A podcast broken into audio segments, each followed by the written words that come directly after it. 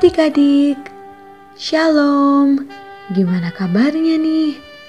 Kak Winda senang banget bisa kembali ngebawain renungan harian audio cerdas berpikir. Soalnya melalui renungan harian ini, kakak berharap pikiran kita makin diisi oleh kebenaran firman Tuhan.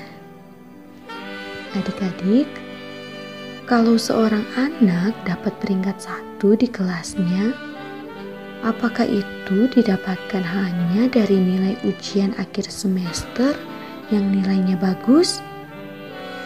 Tentunya enggak ya.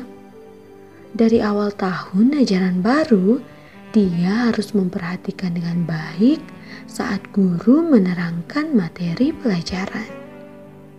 Harus selalu ngerjain tugas dengan benar memperhatikan setiap koreksi jawaban, belajar dengan tekun, ngerjain soal ujian dengan benar, dan mengupayakan diri supaya dapat nilai yang terbaik. Kesemuanya itu dilakukan secara konsisten dari awal tahun ajaran baru. Baru deh, semua nilai yang didapat dihitung sama wali kelas. Kalau nilainya paling tinggi di antara teman-temannya, dapat peringkat satu deh dan diumumin pas bagi rapor. Gitu kan prosesnya? Nah, begitu juga dengan keadaan kita di hadapan Tuhan sewaktu kita menghadap Tuhan nanti.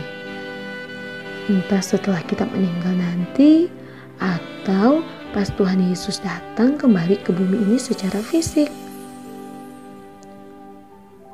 Ketika kita menghadap Tuhan nanti, keadaan kita didapati berkenan kepadanya, itu dibangun sejak kita masih menjalani hidup di dunia ini. Semakin mudah seseorang sadar bahwa dirinya harus berkenan kepada Tuhan dan mengupayakannya, maka semakin baik penilaian Tuhan kepada dirinya ketika dia menghadap Tuhan. Itu karena kualitas dirinya, kayak karakternya sejak muda udah dibentuk sesuai firman Tuhan. Itu sebabnya kita harus dengan sungguh-sungguh belajar dan memahami firman Tuhan. Mempraktikannya setiap hari, mengoreksi diri, dan mengubah karakter buruk menjadi karakter yang sesuai dengan firman Tuhan. Dan itu idealnya harus dilakukan sedini mungkin. Soalnya gini ya, kalau kita sudah tua, hmm, rasa-rasanya beberapa karakter kurang baik tuh agak lebih sulit diubahnya. Tapi kalau sejak muda, bahkan sejak anak-anak, adik-adik sudah terbiasa hidup berkenan kepada Tuhan, wah, Nanti pas sudah tua, sangat mungkin adik-adik punya karakter yang begitu agung. Pas banget apa yang dikatakan dalam Amsal 22 ayat yang ke-6 yang bilang gini, Didiklah orang muda menurut jalan yang patut baginya. Maka pada masa tuanya pun ia tidak akan menyimpang daripada jalan itu.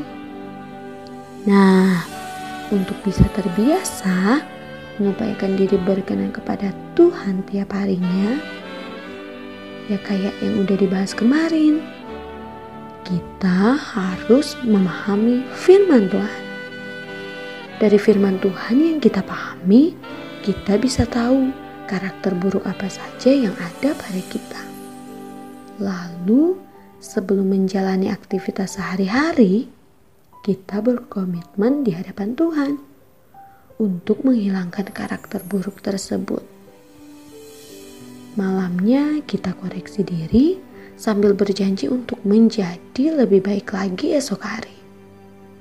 Makanya menyediakan waktu untuk berdoa itu penting banget. Adik-adik, dalam 2 Korintus 5 ayat 10 bilang gini, Sebab kita semua harus menghadap tahta pengadilan Kristus, supaya setiap orang memperoleh apa yang patut diterimanya, sesuai dengan yang dilakukannya dalam hidupnya ini, baik ataupun jahat.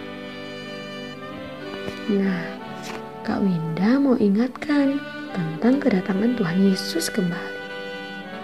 Kita memang tidak tahu kapan waktunya Apakah Tuhan Yesus datang tahun depan, bulan depan, pekan depan, atau pun besok? Hanya Tuhan yang tahu, sebab Dia yang punya kuasa. Nah, yang perlu kita perhatikan adalah kesiapan diri kita agar semakin dipenuhi dengan firman dan senantiasa hidup berkenan kepada Tuhan. Yuk, kita berdoa Tuhan Yesus yang baik, kami bersyukur untuk kasih setia dan anugerah Tuhan di dalam hidup kami. Kami berdoa agar firman-Mu senantiasa memenuhi hati kami dan biar roh kudus yang memberikan pengertian bagi kami serta memampukan kami melakukan firman-Mu.